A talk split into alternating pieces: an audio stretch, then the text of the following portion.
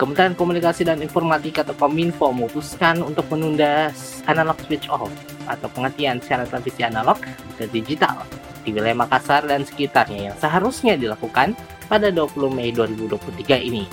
Direktur Penyiaran Ditjen SDPPI Kementerian Kominfo, Kedentika Kurnia mengatakan bahwa penundaan analog switch off di wilayah Sulawesi Selatan 1 itu dilakukan karena belum mencapainya target distribusi set-top box TV digital gratis. Dari dari total seharusnya 51.669 unit STB, baru sekitar 33.671 unit atau sekitar 65% dari total keseluruhan STB gratis yang direncanakan untuk wilayah Sulawesi Selatan 1 yang sudah didistribusikan ke masyarakat. Kerry juga menyampaikan bahwa distribusi bantuan set box di wilayah siaran Medan dan sekitarnya yang baru 28.604 unit dari total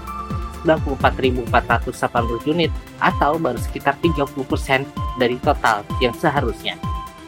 Untuk itu pemerintah mendorong agar penyelenggara MUX menguatkan sinyal TV digital di seluruh Indonesia analog switch off agar masyarakat dengan mudah menerima siaran TV digital.